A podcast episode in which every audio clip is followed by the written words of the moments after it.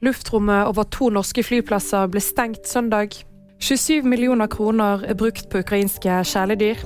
Og Helsedirektoratet skal granske pengebruk hos barneforening.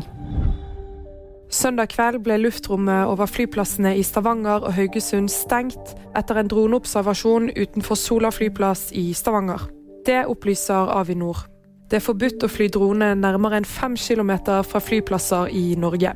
PST har fått flere nye tips det siste døgnet etter at de ba folk over hele landet være ekstra årvåkne etter at to russere ble pågrepet med droner i Nord-Norge.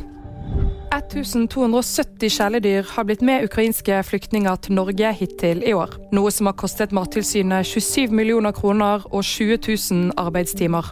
Dyr som kommer til Norge fra land utenfor EU, må vanligvis avlives dersom man ikke har papirer i orden. Men det har blitt gjort unntak for ukrainske flyktninger, som har fått dekket kostnadene som kreves for behandling av dyrene.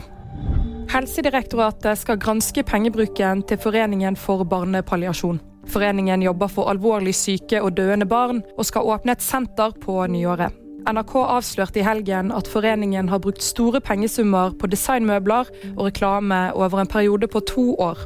Natasha Pedersen er grunnlegger av FFB. Hun understreker at de aller største kostnadene til foreningen har gått til byggeprosjektet, rekruttering, utdanning, forskning og aktiviteter for ansatte og pårørende. Og VG-nyheter fikk du av Hanne Sofie Andresen.